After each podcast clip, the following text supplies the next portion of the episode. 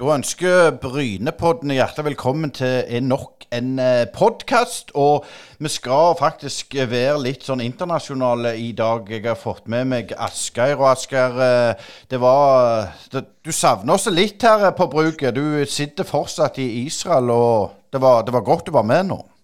Ja, det var godt jeg måtte være med i dag. Det var 38 grader, så da måtte jeg kjøle meg ned med litt podkasting. Det må du òg. Når det gjelder eh, dagens gjest, så heter han Alexander Strauss. Og når det gjelder Strauss, det passer godt på jærsk å si det, så er det jo selvfølgelig Johan Strauss som er en kjent og kjære østerrikske komponist og fiolinist, og mest kjente for uh, nå, nå, nå, vet jeg at Asker kommer til å le av meg, for jeg, jeg er ikke så god å uttale, men, men uh, det er en marsj iallfall som blir spilt i nyttårskonserten i Wien. Men det er òg en annen Strauss, og det er der det kommer an på om du følger med eller ikke. For Richard Strauss han er en tysk komponist og dirigent som er født i München i 1864 og døde i 1949. Og han lagde bl.a. den eh, Jeg må bare bla litt i papirene mine her. Eh, han eh, lagde den Skal vi se her Åpningshymnen i De olympiske leker i Berlin i 1936, så der har vi litt info om uh, dirigenter og komponister. Men over til dagens gjest. Det er deg, Alexander Strauss. Men du mangler en S. Jeg, eh, jeg, mangler en S, ja. Eh, interessant jeg, eh, å høre den introen din. Jeg, så det at, at Rikard Strauss hørte til München, det, det, det, det, det, gir jo noen samfall morsomheter i denne, i denne poden vi skal gjøre nå. Men, men ja, jeg vet ikke om det er noe Eh, noe som jeg, vi trenger å juble høyt om at etternavnet mitt eh, er laget i forbindelse satt i forbindelse litt langt ute der, da, men med, med, OL i 1936. Det er vel ikke det, det vi ønsker å, å, snakke mest om. Det, det, er helt klart ikke det. Men som du vet, så er Brynepodden litt dypere, og du hører selvsagt på den. Brynepoddene. Ja, skal du må slippe til litt du òg. Var du fornøyd med den introduksjonen?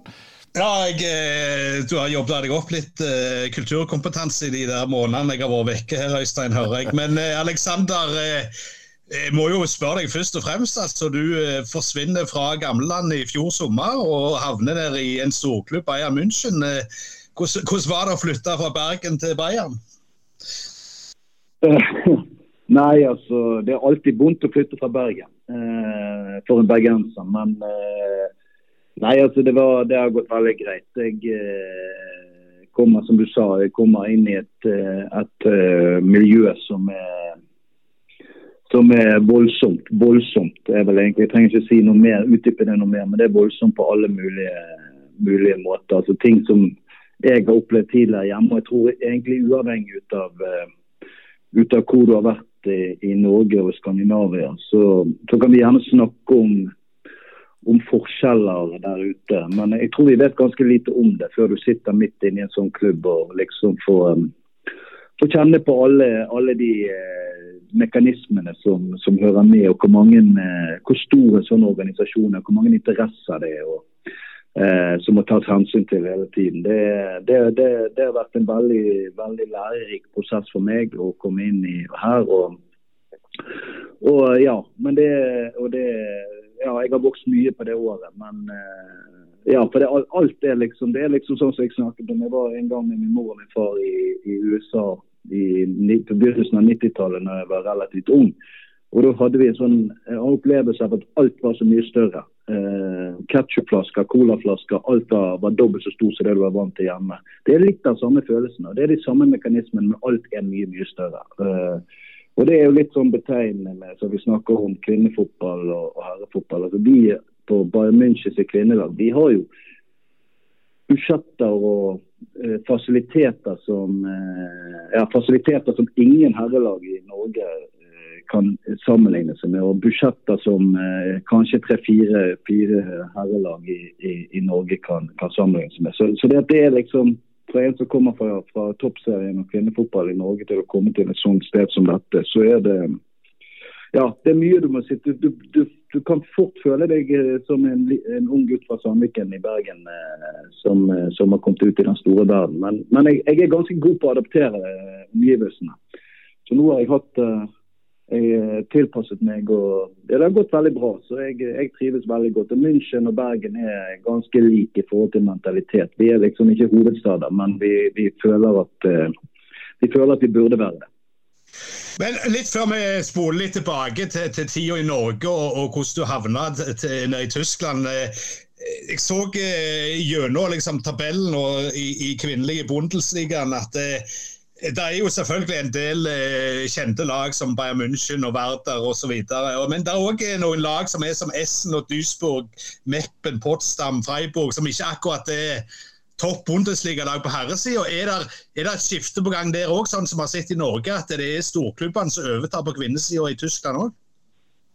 Ja, det, det, tror jeg er ganske sammenfallende i hele fotball-Europa. Altså Freiburg er jo et stort herrelag også. Det, det, men det, blir vanskelig. Sånn som Potsdam, som du nevnte der. De har jo vært eh, en, eh, en, eh, et monster av en klubb på kvinnesiden. Har vel vunnet Champions League opptil flere ganger. og, og Bundesliga og alt mulig. Men i år rykker de ned. altså De ble liksom tatt av av det store. Så det er jo for oss her, det er jo, det, det er jo Wolfsburg som liksom har vært det store laget i Tyskland i de siste ti årene. Og er, er, jo selvfølgelig også i år i Champions League-finalen, så det er jo en veldig stor konkurrent for oss. Um, og så er det Bayern München og Eintracht Frankfurt og Hoffenheim. og Det er jo de lagene som, og Bayer Leverkusen. Det er de fem første lagene på tabellen.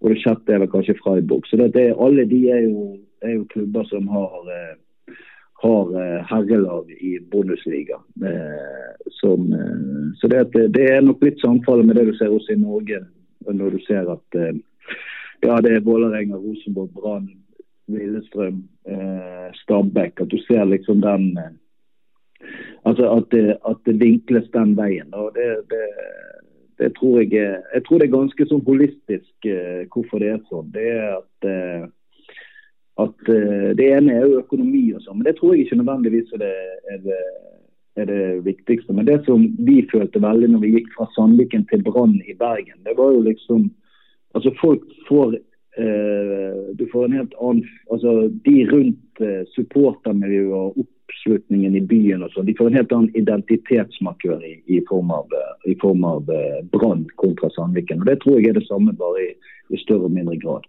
Enda det er sånne når du kaller det sånn som Sandviken som vi var før, som var liksom bydel, et bydelslag, så blir det plutselig en klubb for en hel by. Og Det er bra på, på veldig positivt både for oss, og akkurat nå så har jo Brann litt tøffe tider. og Da får du den andre siden av medaljen. Da, da blir det flere øyne som ser på deg også når det går dårlig. Så det, men det, det tror vi er veldig avhengig av kvinnefotball i Norge. Og vi bare si det, Alexander, Når denne podkasten blir sluppet, så har dere spilt siste kamp mot nettopp uh, Turbin Potsdam. Og hvis dere vinner den, så er dere seriemester. Og det regner jo uh, selvfølgelig med, med, at dere blir. Og, og, og, det er jo en farlig kamp, men, men, sesongen har jo vært sånn sett et eventyr. Ja, altså det har vært det, det, har vært enormt. Eh, jeg kan liksom sammenligne det med det som skjedde når jeg tok over Sandviken hjemme. Altså, vi har vi har spilt 21 kamper nå. Vi har én kamp igjen, og vi har vunnet 18. Vi har to uavgjort og vi har ett tap. Eh, og vi har én kamp igjen hjemme, og den har vi tenkt å vinne i helgen. Og da, har vi gjort det, og da er vi blitt tyske mestere. Eh, og som jeg sa tidligere, at det er liksom det er liksom sånn av og til du møter den eller den oppfattelsen av at ja, Bayern München de er jo det store laget i, i, i Tyskland. Og det er de på herrelaget. De har vunnet ti år på rad. Men kvinnelaget til Bayern München har vunnet fire titler på 53 år. Så det, at vi, det er Bolsberg som liksom har vært den store her. Og det vil være fantastisk personlig og også for laget. Og det prosjektet vi har satt i gang og de prosessene vi har satt i gang, hvis vi klarer å, å vinne tittel allerede første året. Det var ikke planlagt. men uh, men nå er vi i den situasjonen, og vi, vi, vi trenger som sagt én seier til. Og så, og så, eh, og så er det, så, så, da er vi seriemester. Men eh, du, du, er jo på en litt dårlig telefonlinje til lytterne, så det er bare å beklage det. Men vi hører det godt uansett. Men du klart du har jo tatt med deg noen norske der, bl.a. Uh, Tuve Hansen fra, fra Brann og Jæren. Hvor viktig var det å få inn noen bærebjelker ganske fort i dette prosjektet? Ja, nei, altså. Det er litt sånn Hører du meg litt bedre nå? Ja, kjempebra. Ja, ja OK, bra. Uh, nei, jeg sier det at uh, uh, Tuva er jo en som jeg kjenner. Jeg har hentet henne flere ganger, for å si det på den måten. Så det, det var liksom sånn for Jeg vet hva du får, men, men det er jo litt sånn for Tuva sin del, og det er jo liksom det vi må, må også se perspektivene i ting. Altså Vi kommer ned her Så hadde vi Jeg har vel i vår spillerstall så har vi vel kanskje 19 spillere mellom 15 og 19 som nok kommer til å reise til fotball-VM i sommer. Eh, og eh, Så Tuva er, er jo, har jo også, har jo også en, en, en, læringskurve som, som var relativt bratt nå. Det er noe helt annet for hun også å være her enn det var å være hjemme i Norge.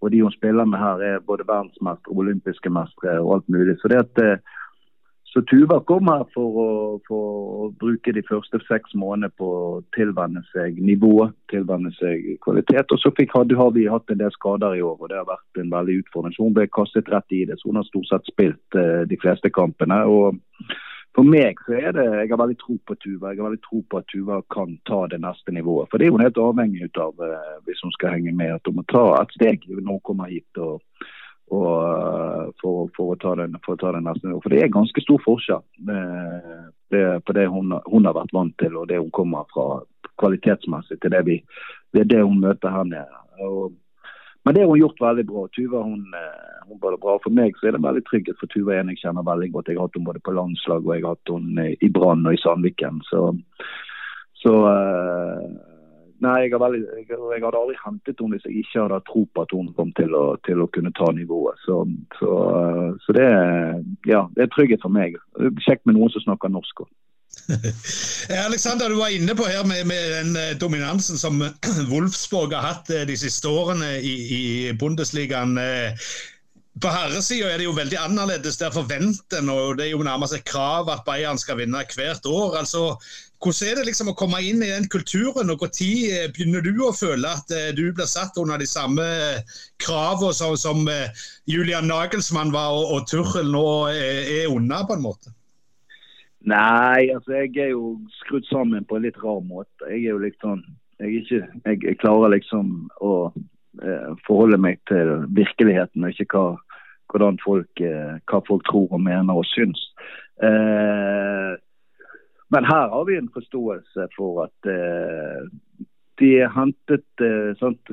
Jeg er vel den første utenlandske treneren de har hentet til, kvinne, til kvinnelaget. Uh, og Det gjorde de fordi at de ønsket en endring. De ønsket en endring i kurs i form av lederskap og kulturbygging og en litt annen, mer skandinavisk modell enn den som har de var vant til med den, den, tyske skolen, for å si det sånn. Så det at eh, når de valgte å gjøre det, så hadde vi gode samtaler på forhånd. At, eh, hvor jeg også var tydelig med de at de må vite hva de får. Altså jeg, jeg kommer ikke ned her og kjører et regime som, eh, som, jeg ikke tror på, og som de har vært vant til sjøl. Altså, de må vite hva de hva de, hva de, henter og hva de får. Og, og, Det var de veldig tydelige på at det var det de ville ha. og Det går både på måten vi ser ut på, på banen og måten vi bygger i korridoren og i garderoben og, og, kultur rundt. Og hvordan vi rett og slett er med hverandre. Eh, det var det, var, det, var det de ville ha når de hentet meg. og det var det, Så dette er det egentlig en replikamodell av det som jeg gjorde i, i Norge, i, i Sandviken og Brann i forhold til de tingene.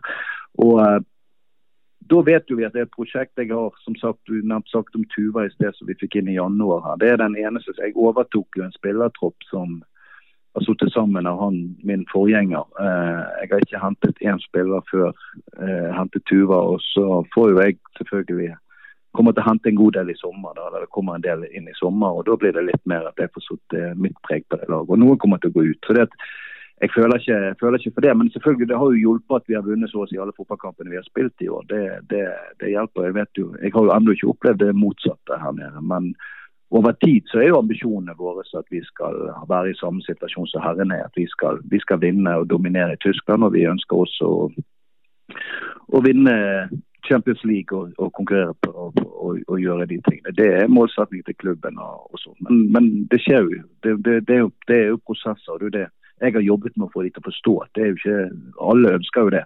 Eh, men det handler om hvordan du arbeider deg fram til å komme dit. og det noen ganger så er veien til målet viktigere enn selve målet. Og, og det, det, er litt av den filosofien som jeg har, og, og det er det vi har hatt fokus på. Det har i alle fall gått greit til nå. Så får vi se om vi klarer å holde, holde de som er over meg i hierarkiet eh, i sele litt til. Men, men, eh, men, eh, nei, det har gått veldig bra. og jeg tror at eh, at det, at det, kommer til å gå bra. Men selvfølgelig, som du er inne på, at det er bare München er et, et, det er et stort uh, konsern som er, som er, stort i hele verden. og vi, må, vi, vi kommer til, jeg er ganske sikker på, å, å, å bli det beste laget her over, over et par år. Eh, så kommer, kommer det, det, det, puttes mer penger inn i det. Og det, og, ja, det vokser fra år til år. Så nei, jeg er ikke så bekymret for det. Men jeg, eh, det vil selvfølgelig Det er jo over tid så må vi jo vinne, vi også. Selvfølgelig på samme måte som herrene. Men det er jo det vi ønsker. Altså, det er vel det som vi sier at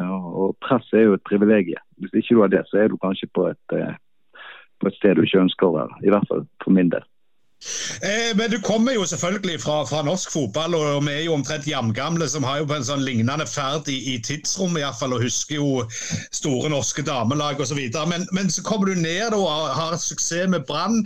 Og, og, i Norge er jo kvinnefotball godt innarbeidet vært i flere tiår. I Tyskland så kom de jo litt senere, men de kom jo ganske sterkt etter hvert. Men, men det der kulturforskjellen du merka når du flytta der fra det der norske altså delingskulturen og, og alt dette her, ting om å kjenne hjemmefra, å komme ned til Bundesliga. altså Hva er de største overgangene og de største forskjellene, vil du si? Uh, nei, altså på det på kultur så handler jo det om at det her i Tyskland så er de, er de, uh, er de har, er mye mer opptatt av hierarki.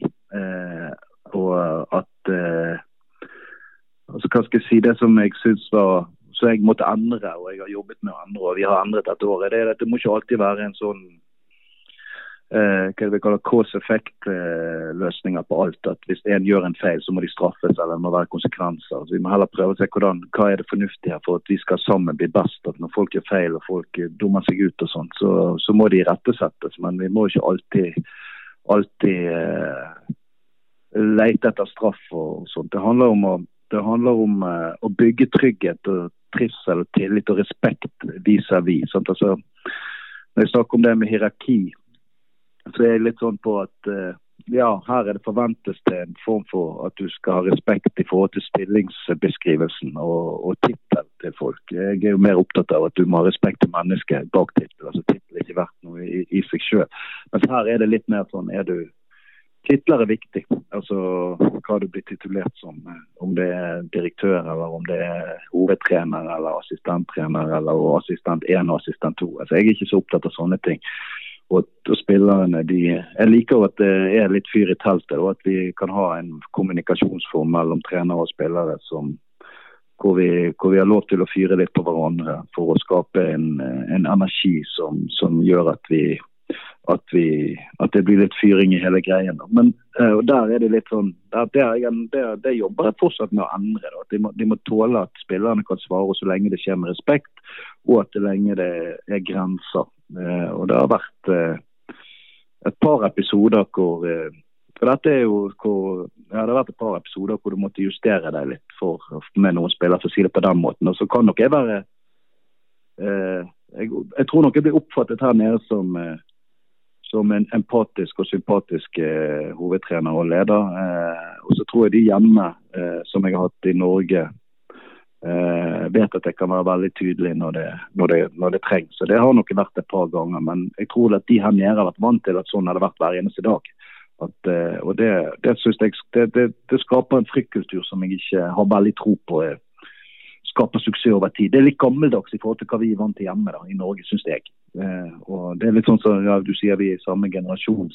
Så det er jo sånn når vi spilte, så og når jeg spilte fotball sjøl på, på 80- og 90-tallet, eller i alle fall på 90-tallet, seniorfotball Så hvis en trener sa at du skulle løpe 15 runder rundt banen, så, så gjorde du det. For det treneren sa det. Men dette, det, de spillerne som vi har her nå, det er en helt annen generasjon. og Du må møte spillerne der de er i sin, i sin generasjon. De, de, vil spørre mye mer hvorfor skal jeg det, enn det jeg gjorde når jeg bispilte. Og, Og jeg tror at For å skape fruktbart samarbeid mellom spillere og trenere og alt mulig, så, så tror jeg du må ha et bevisst forhold til hvordan du adresserer en spillergruppe. Mens eh, jeg har et litt sånn oppfattelse i starten jeg kom her, at eh, mye av ledelseskulturen og ledelsesfilosofien var basert på ja, men vi har alltid gjort det sånn.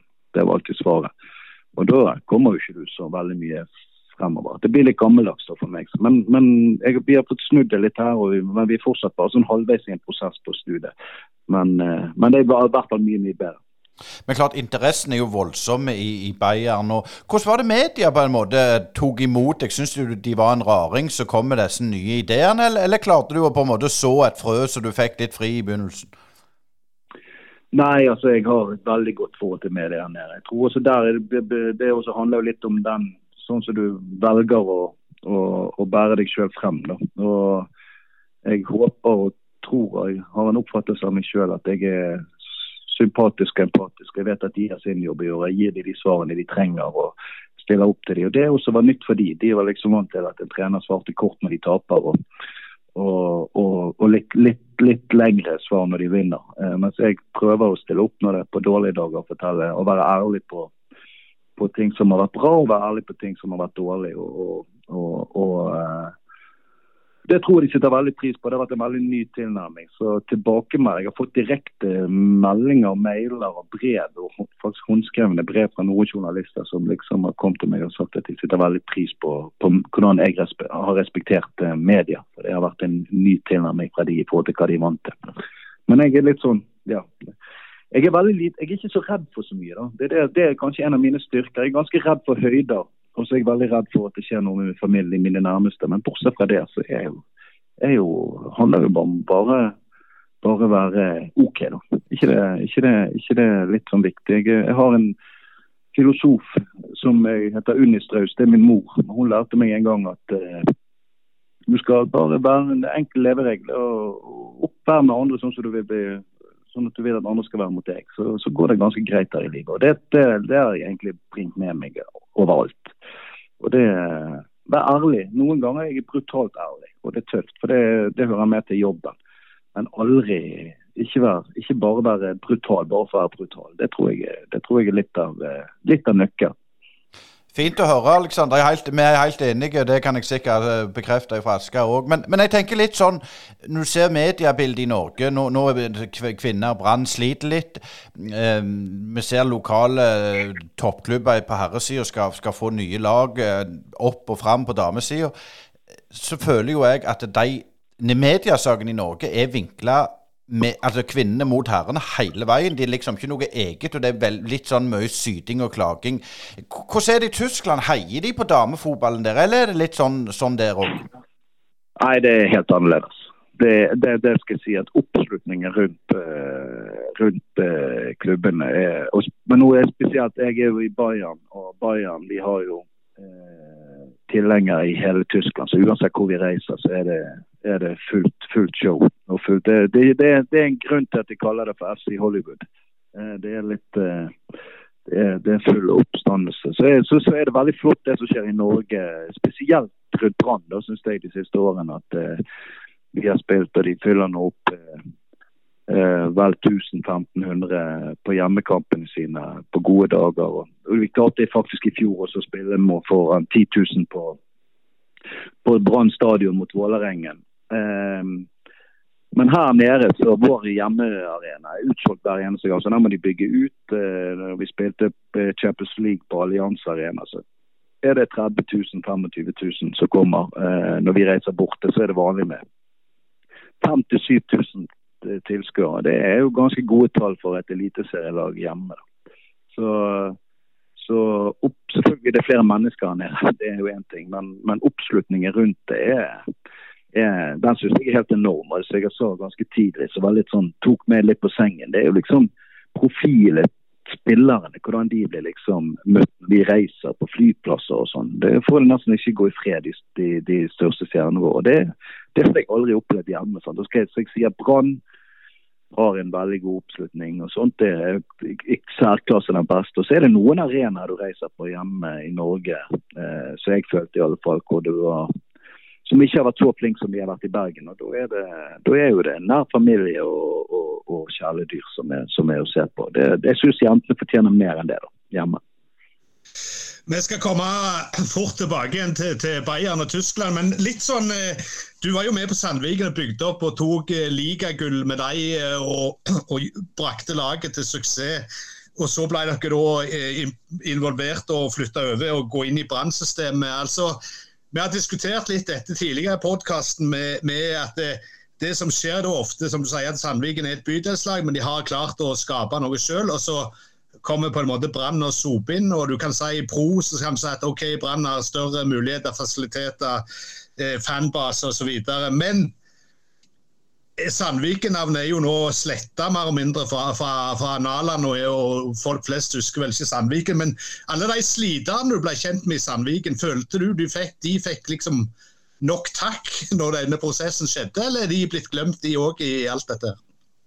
Nei, jeg føler at det var De de ble, de ble, med over, de som jobbet rundt kvinnelaget. Så de ble med over i Brann. Jeg føler at de, at de, fleste som var involvert rundt eh, kvinnelaget eh, i Sandviken, eh, de, de, ble også Det var jo egentlig kun draktene og logoen og, og, og, og litt sånne ting som, som, ble endret. Menneskene rundt var de samme som var året før i Sandviken. Så, så jeg føler at eh, at de, at, de, at de, ble ivaretatt. Og så er det liten overdrivelse at Sandviken er slettet fra. De har fortsatt et herrelag i tredjedivisjon, tror jeg. Så dette er fortsatt en bydelsklubb. Men, men, det var ingen tvil for meg og, altså, og for oss som var at uh, skulle vi komme videre uh, med det kvinnelaget ut hva vi hadde klart å skape i Sandviken, så måtte du inn i en større, større organisasjon. Og det det viser seg selvfølgelig det er enkelt å, å, skyte i motsatt retning i dag, fordi de har en, de en tøff periode akkurat nå. Men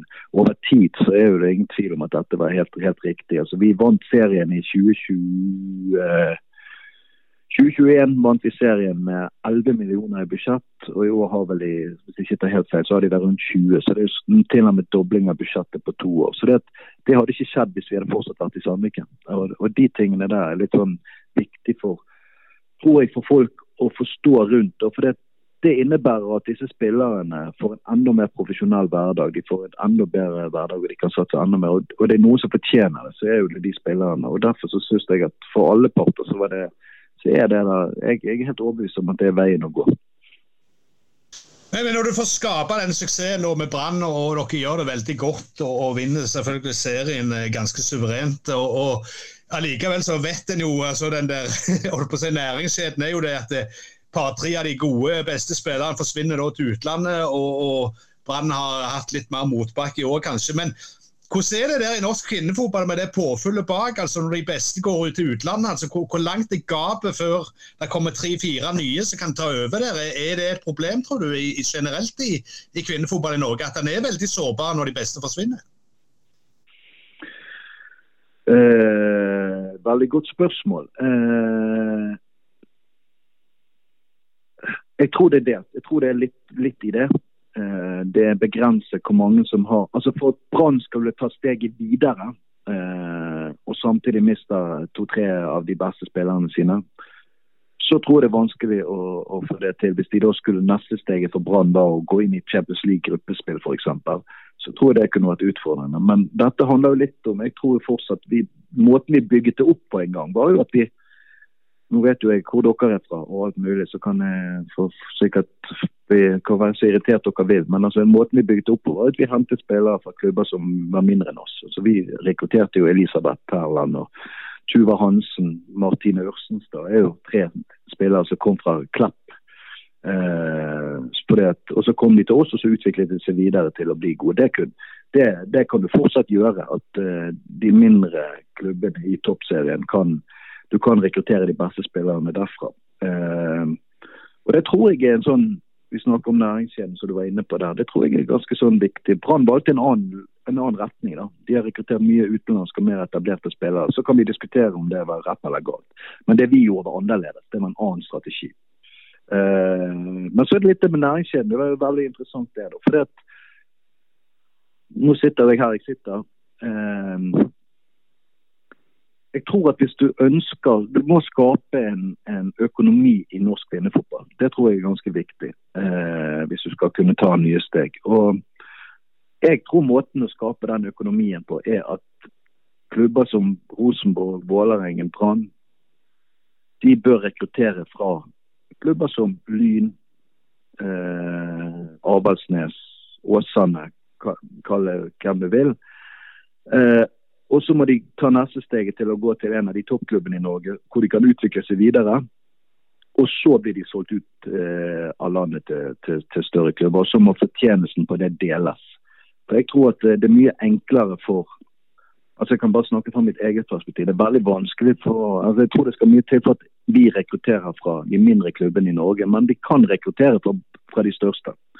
Og Derfor så må den næringskjeden det, det tror de mindre klubbene må forstå at det også er en verdi for de å kunne kunne selge sine beste spillere, sende de videre til toppklubbene, for de igjen kan gå videre ut til en, en, en, større europeisk liga.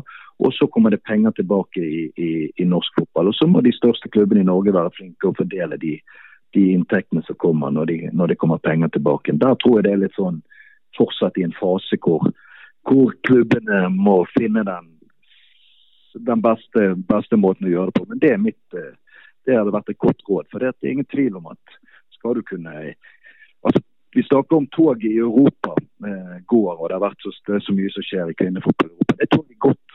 Det er jeg ganske trygg på. Det, det, det topptoget top der, det, det, kommer der er Forskjell er det samme som det er på herresiden. Eh, det, det, det, er ganske, det, er ganske klart. Så er det viktig at du allikevel klarer å henge deg på den neste vognen i det toget. At ikke du den også passerer. For å klare det, så tror jeg det er viktig at klubbene i fellesskap klarer å finne løsninger på disse tingene fortere. For det må mer økonomi inn. Økonomi er 70% av det som gir deg eh, resultater. Og du må ha penger til å kunne konkurrere. Og, ja, jeg vet ikke, men jeg, eh, jeg tipper de største klubbene eh, har oppi 150 millioner i budsjett på kvinnelag. Og det, da blir de, de største klubbene i Norge har ca. 20 millioner. Så blir forskjellen ganske stor. Eh, så det må skapes mer, mer, mer økonomi. Vi kjører inn på en eh, liten uh, togstasjon, og så ikke glem at du Du hører nå på Brynepoddene. En uavhengig og litt dypere podkast som gir deg lyden av ekte sport. Vi har studio på Bryne, og herifra sender vi deg motstemmen til den overflatiske og klikkorienterte sportsjournalistikken.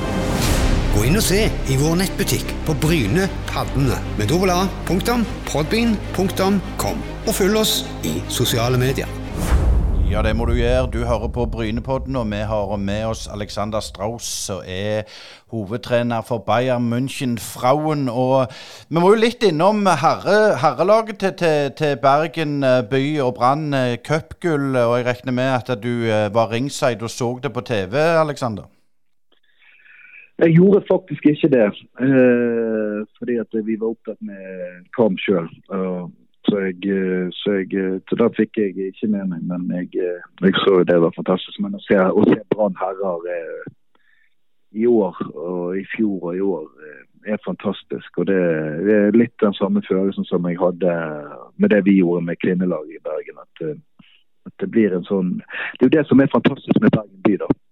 Nå vet jeg at jeg er jeg er ikke objektiv. Men, men, det er jo det at når du først får vind i seilet, så er det du får en sånn sinnssyk kraft i alt rundt deg. Og folk og hele byen står bak det.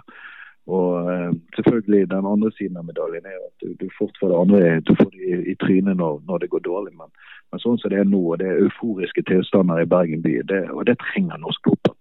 Norsk fotball trenger et godt brann, for det skaper en, en eh, ja, det, Du ser på cupfinalen, jeg så noen, jeg så noen høydepunkter.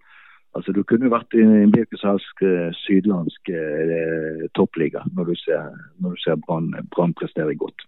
Men ser du det, bare si det, det koster jo. altså De har vært i eh, rød sone. Nå fikk de solgt eh, Wolfe til, eh, til, Alkmaar uh, og får sikkert inn en del millioner, så redder de litt. Er, er det sånn på, på, på at du er avhengig av å få solgt?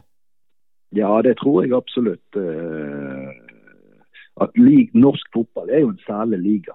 Altså, Altså Når du får gode nok spillere, så, så vil du få solgt de til, til større liga. Til og med Bodø-Glimt har jo gjort det. og solgt, eh, De har, og solgt sine beste spillere. og Så klarer du å få såpass bra betalt for dem at du klarer å rekruttere godt for dem.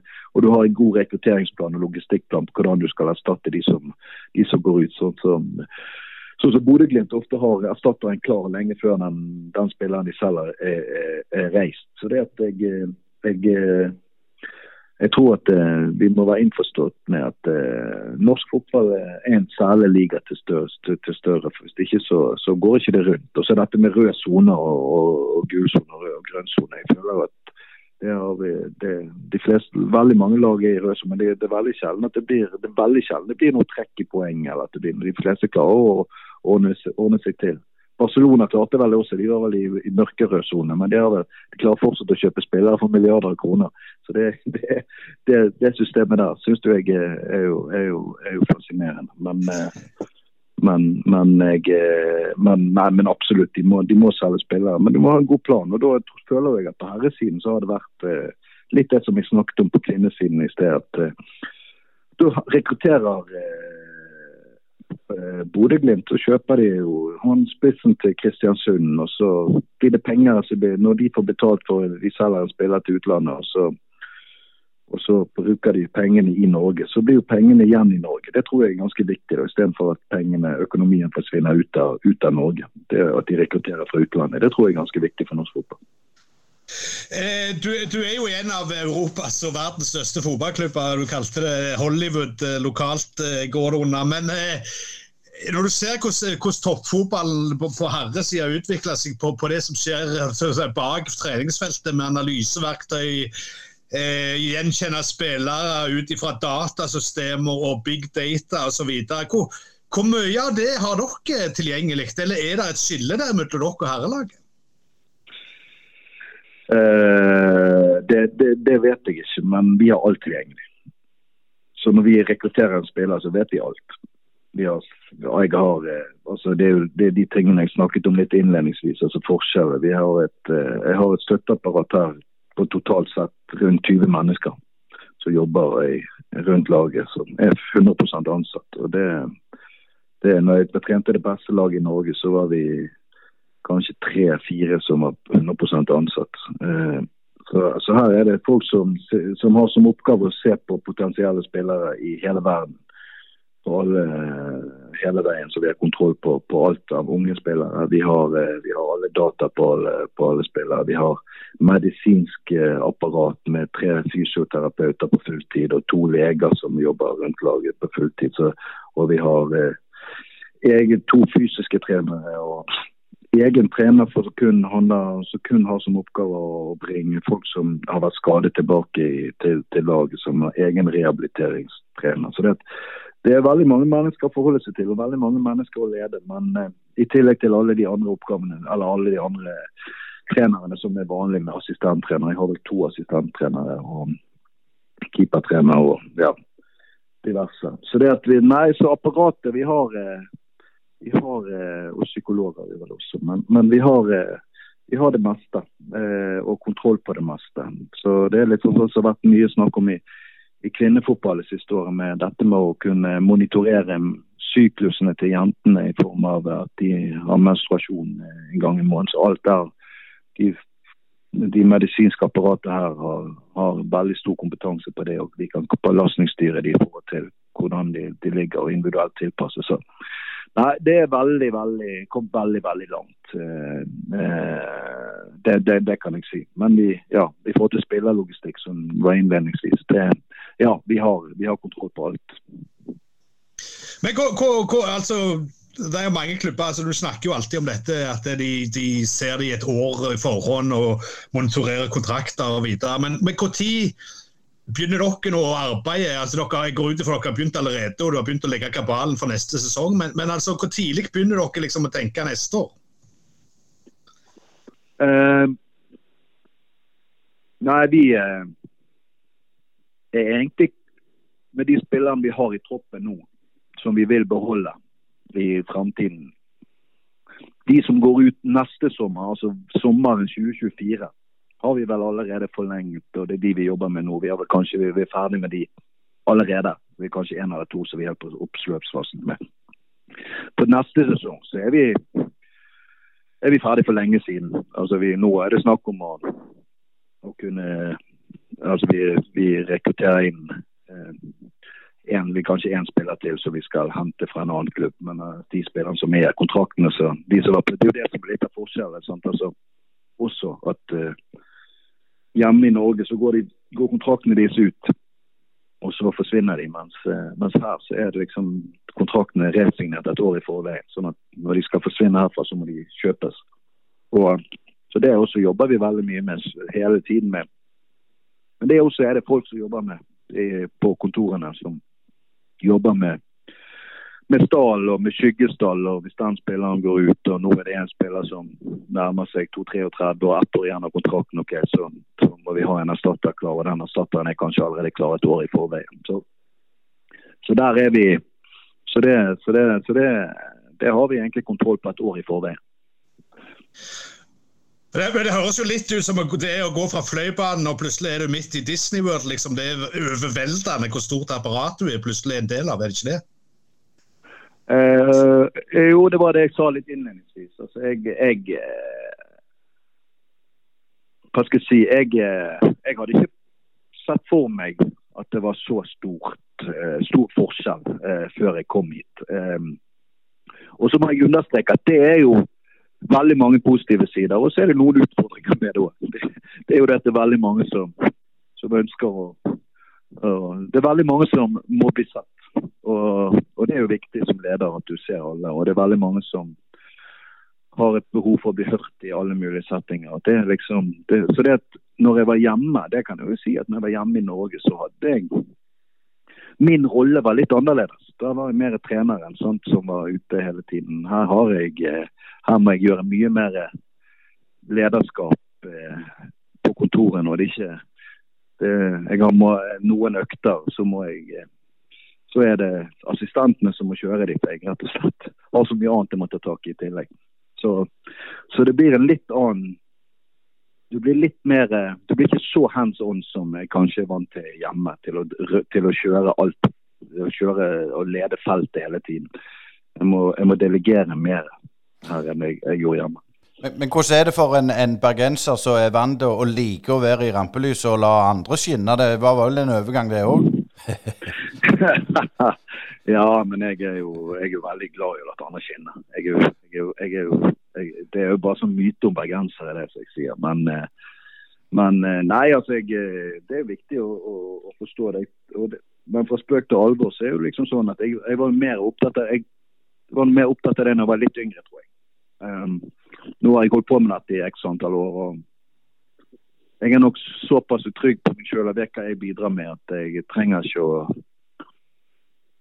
og på en måte i anførselstegn fortelle det hele tiden. Alt, um, alt, jeg, alt, jeg gjør alle de resultatene slash de mesterskapene du har vunnet. Jeg tror, at, uh, jeg tror at det er viktig at folk forstår, som jeg sier, at når du vinner, og sånn var det hjemme også. Det viktigste er alltid spillerne. Har du gode spillere, det er umulig for Pep Guardiola og José Mourinho eller hvem det er, Jørgen Klopp hvem det er. De vinner ingenting hvis de ikke har gode spillere. Der, jeg syns ofte at trenerrollen blir overvurdert i forhold til resultatene. Det er altså, du tror at en trener er genial fordi at de, de vinner titler. Så jeg, skal, jeg elsker jo Pep Guardiola. Jeg syns han er en fantastisk trener. Eh, men eh, det hadde jo vært interessant å sette han trene Southampton. Også, mm, mm. Altså det, jeg, tror ikke han hadde vunnet Premier League med Southampton. for det er sånn Av og til så, så blir for mye hengt på treneren. og Det er en uting, mener jeg. Da, for det gjør at en trener taper tre-fire kamper, og så får de sparken, og så er det en ny som kommer inn. Mens det handler jo ikke om han. Det handler, han kan være en fantastisk trener. Hvis det ikke du har godt nok lag, så er det vanskelig å vinne. og Spilleren fortjener ofte den den største æren når uh, suksess oppnås. Og så fortjener syns jeg også spilleren i media også kan fortjene litt mer uh, ris også når det er dårlig. Det er ikke alltid, alltid de bak, om det er sportssjefer og trenere og alt som, som og Det er spillerne som spiller. Og vi trenere blir ofte, våre rolle blir ofte overvurdert. Mm. Men hvis du ser litt på din karriere som trener, så, så eh, stoler vi jo aldri på Wikipedia. Men, men eh, når jeg er ser her, så er det Ness Sotra, altså Vareg, Ness Sotra, Strømsgods, eh, Sandviken kvinner, og du har vært innom landslag. Og det er jo ikke store klubber. Hvor mye har du på en måte lært av å være nummer to og gjerne tre i, i begynnelsen av trenerkarrieren? Uh, hva skal jeg si uh Nei, altså det er Jeg eh, Du lærer veldig mye når du, som jeg sa, når du begynner med vareegg. Uh, som jeg begynte med for en 12-13 år siden. Så er liksom Du lærer jo denne Jeg, jeg tror det er veldig viktig. Da. Altså Min karriere er litt annerledes enn enn kanskje andre sin, som, som går rett fra en profesjonell spillerkarriere. Går rett inn i et trenerjobb på toppnivå jeg tror det var veldig god læring for meg å liksom oppleve den eh, å trene et lag i tredje-fjerde divisjon, et herrelag. Eh, hvor du liksom Jeg jobber full tid på dagtid og, og liksom kjører rundt med, med ballnettet og vestene i bak i bilen. Og liksom er meg og en til som, som, som driver det laget. Du, du, lærer å, du, lærer å, jobbe. Og eh, hvis du virkelig brenner for det, så har jo det vært en progresjon hele veien. Eh, og det, det, har, det, har, vært veldig, veldig bra. Og så tror jeg det blir, blir, Når jeg skal videre herfra, så blir det jo vanskelig å ta et et steg til. Men, men, hele min karriere har det vært liksom provisjon. Men jeg kommer ikke utenom det. Jeg er jo ikke, jeg er jo ikke mindre eh, Hva skal jeg si jeg, ja, jeg, er ikke, jeg er jo ikke så beskjeden at jeg ikke vil si det at uh, det er jo viktig å, å, å, vinne de fleste kampene du, du, du spiller som trener hvis du vil opp og frem. Og det mener jeg at jeg har vært ganske god på de 13 årene jeg har vært uavhengig av nivået. Vi har stort sett prestert eh, eh, veldig ofte over det som var forventet. Og, ja, ja, ja. Det, Bare avbryt deg der, for det, det, det, er helt sant det du sier der. Men hvor viktig har det vært med den utviklinga at neste klubb så måtte du opp et steg, du måtte lære mer? Var du, var du tidlig bevisst på, eller var det litt tilfeldig når du ser tilbake? Litt tilfeldig. Helt tilfeldig. Eh, jeg er opptatt av å ha det gøy. først og fremst. Og moro. Og den dagen jeg ikke føler at det er moro å være i München, jeg, så, så, reiser jeg eh, Jeg kan fint reise til Bryne, jeg. Altså, det er ikke, det, du må ha et miljø, du må trives der du er, og du må, du må du må, ja, du må ha det kjekt. Det er det viktigste. Hvis ikke du har det, så kommer du aldri til å kunne levere et godt arbeid. Og Det, det har, vært, det har egentlig vært helt, uh, helt, veldig viktig for meg. Selvfølgelig så er det når jeg er i Nest Sotra eh, og du får en mulighet til å reise til, til Strømsgodset, så er det liksom den å knekke den få lov å jobbe i Eliteserien, det var veldig stort for meg. Og På det, det tidspunktet når vi var der, så, så var jo Strømsgods et topplag. De vant vel serien, Eliteserien før, året før jeg kom. og så vi tok jo et i 2015 var jeg med til en sølvmedalje der i Eliteserien. Så vi hadde jo opplevd jo disse Martin Ødegaard-hysteriet og, og, hele den, den, pakken der. Så, så det, var, det var veldig, veldig, veldig stort for meg de årene i, i Drammen. Jeg trivdes veldig godt der. Men, men så er jeg jo bergenser. Jeg var der i nesten fire år, og da ville jeg hjem igjen. Og Det, det var det som var døråpneren min til, til kvinnefotball i seg sjøl. For da, da, gikk kontrakten min ut, jeg sto uten, og, og Sandviken sto uten trener. Og, og vi fant uh, hverandre. Og Så gikk vi inn der, og så, så gikk det såpass bra. Så det at, uh, og, jeg, og Siden det så har jeg vært i kvinnefotball, og jeg trives veldig godt med det. Men, men, vet du, Alexander, sånn uh, generelt, altså det å ta det steget som du gjorde, velge å gå over i kvinnefotballen, er det fremdeles litt stigma med det at da kommer du aldri tilbake til et eliteserielag, bare for å ta et eksempel. Nå er det jo Morten Kalvenes som, som er med i Glimt f.eks., har jo gått motsatt vei. Men, men er, det, er det fremdeles noe som sitter igjen der, føler du? Ja, det gjør jeg. Og som sagt, jeg, eh, Den Morten Kalvenes er jo en litt spesiell case. Da, fordi Han hadde jo en tett relasjon til Kjetil. Sant? Det er ikke sikkert at han hadde kommet eh, seg så enkelt over i herrefotball og på det nivået han er på nå. da. Nå gikk han til Men det var jo Kjetil som var i Åsane som hovedtrener, som Kjetil Knutsen, som, som, hentet han som assistent der først. Og Det var jo hans eh, retur til herrefotball. Eh, det er ikke sikkert det hadde vært så enkelt hvis ikke du har det nettverket eller den relasjonen til en som, som har en sånn jobb. Og, og, men jeg synes det er, jeg, hvis, hvis, det er viktig for deg å være i herrefotball, så, så, tror jeg jeg hadde tenkt meg om en eller to ganger før jeg hadde gått over i kvinnefotball. og Det, der, der, det husker jeg jeg sa når jeg gikk over i kvinnefotball. at det, at eh, det så jeg ikke på som noen utfordring. At jeg kom nok til å kan trene et herrelag og kvinnelag. Der undervurderte jeg akkurat den. Jeg, jeg syns at det er litt morsomt. eh, eller morsomt, det er ikke morsomt eller tragisk, jeg vet ikke hvordan jeg skal definere det. Men, men jeg, eh, jeg har ikke blitt kontaktet på noen jobber i de to øverste ligaene i Norge på herresiden. Men Bayern München de ringte meg og hentet meg eh, og betalte og gjorde, gjorde en del ting for, for at de skulle hente meg ned her. Men når, når klubber på de på to øverste, kanskje ikke andredivisjon heller, som, som, som, som har tatt opp som har ringt meg etter jeg gikk over i kvinnefotball. Og, og Jeg vet ikke om det har vært fordi at de trodde at det har vært uaktuelt for meg, men jeg, jeg syns jo av og til humrer jeg litt av det når jeg sitter her nede og, og, kan, og kan drive på det nivået og spille kvartfinaler i Champions League og på store arenaer. og på spille på en kamp. For å si det sånn, jeg vil heller være i Bayern München. og jeg I år har vi spilt på noen kamper på Allianz Arena, og jeg har spilt på Camp Nou. Jeg har uh, spilt på Emirates er bare dette året her foran 50 000, 40 000. Eh, og jeg leder et sinnssykt apparat her nede. Eh, altså av, av folk. Jeg tror nok at den kompetansen eh, er nok ganske lik om det hadde vært et herrelag eller et kvinnelag. Men jeg, det, det litt, jeg tror fortsatt det er stigmatisert, ja.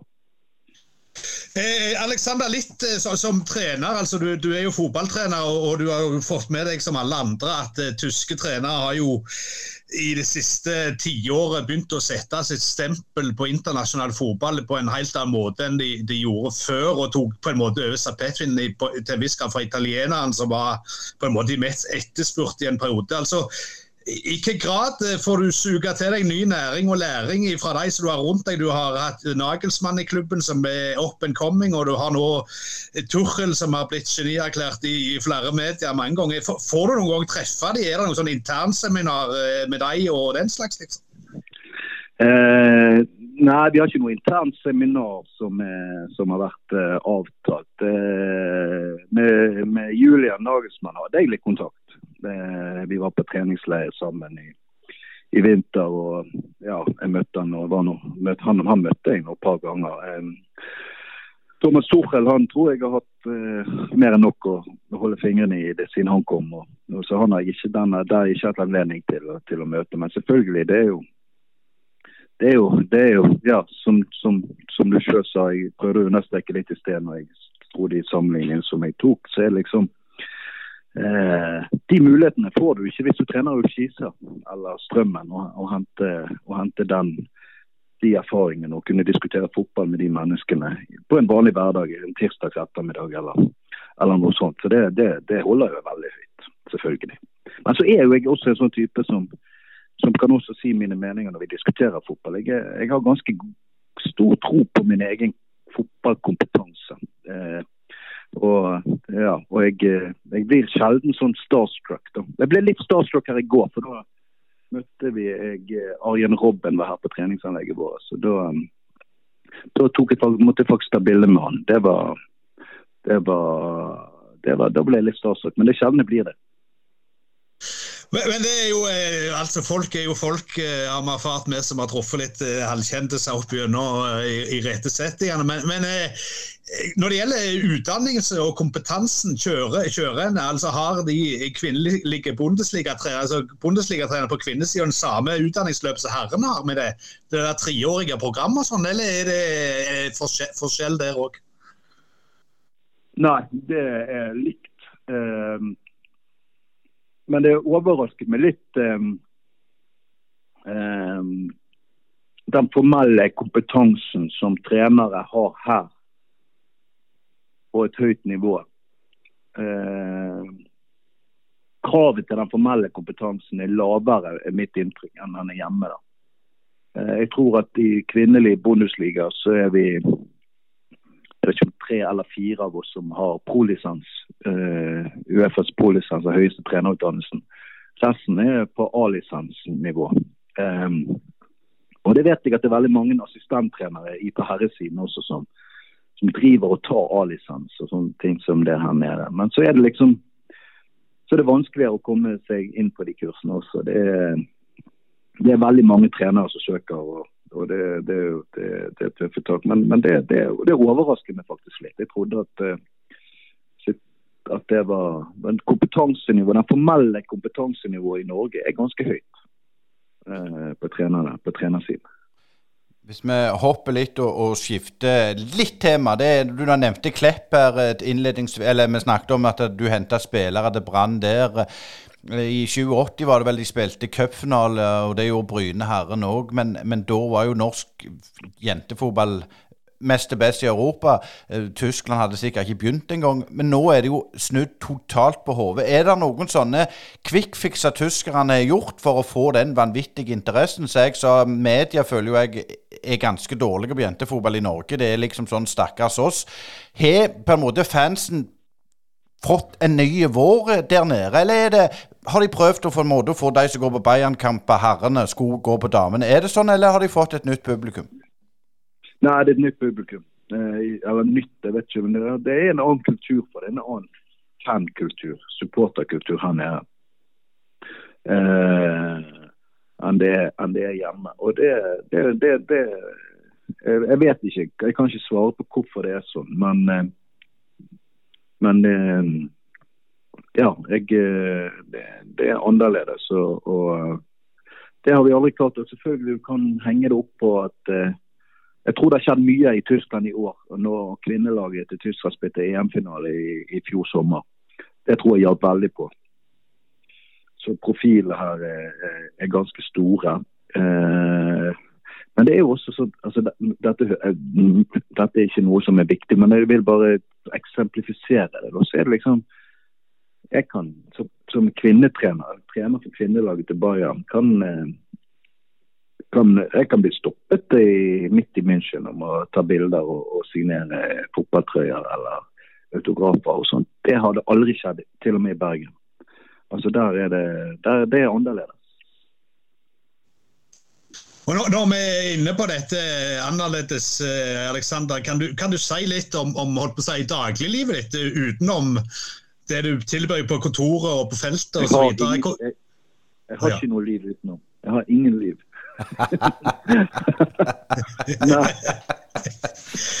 Akkurat. Men eh, får du i sommer sånn, er det hjem til Bergen, da, eller får du litt tid til å se deg litt rundt i, nabolag og den slags?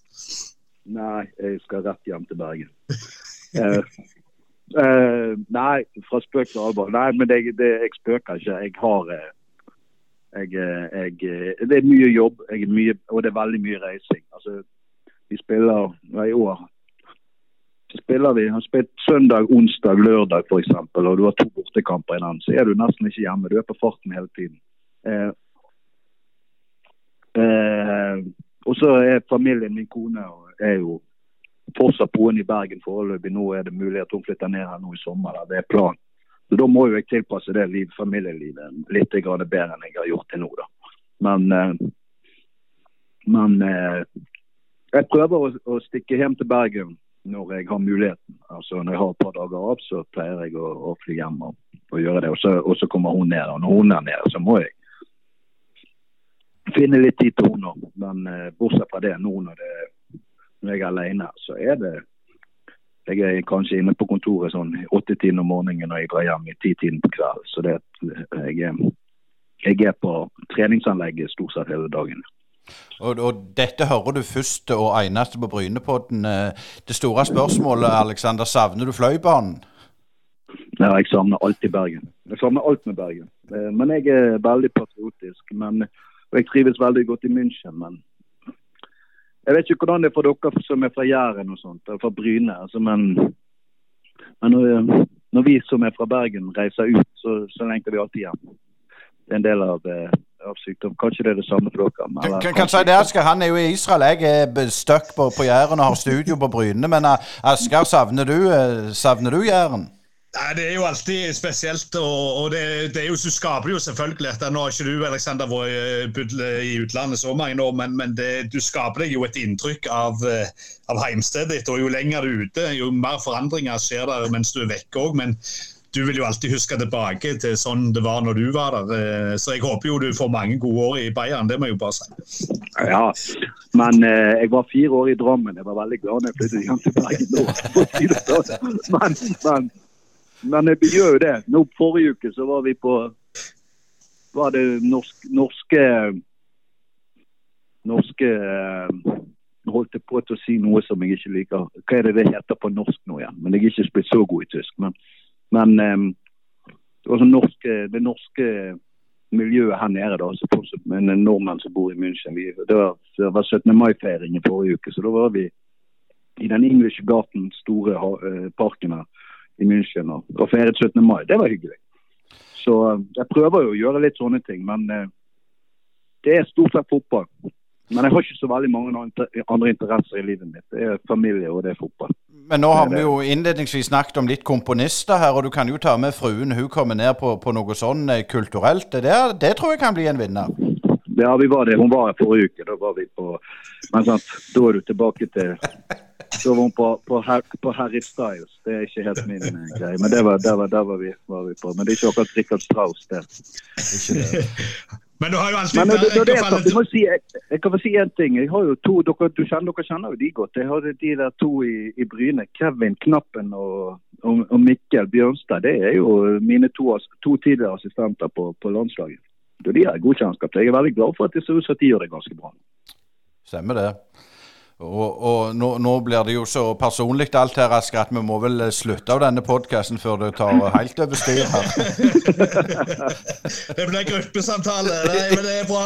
Du, men du har jo alltid Derek Alexander å falle tilbake på på den halvtimen du har når du kommer hjem. Så, så masse lykke til i siste kampen, eller når det, denne går, og, og neste sesong, selvfølgelig.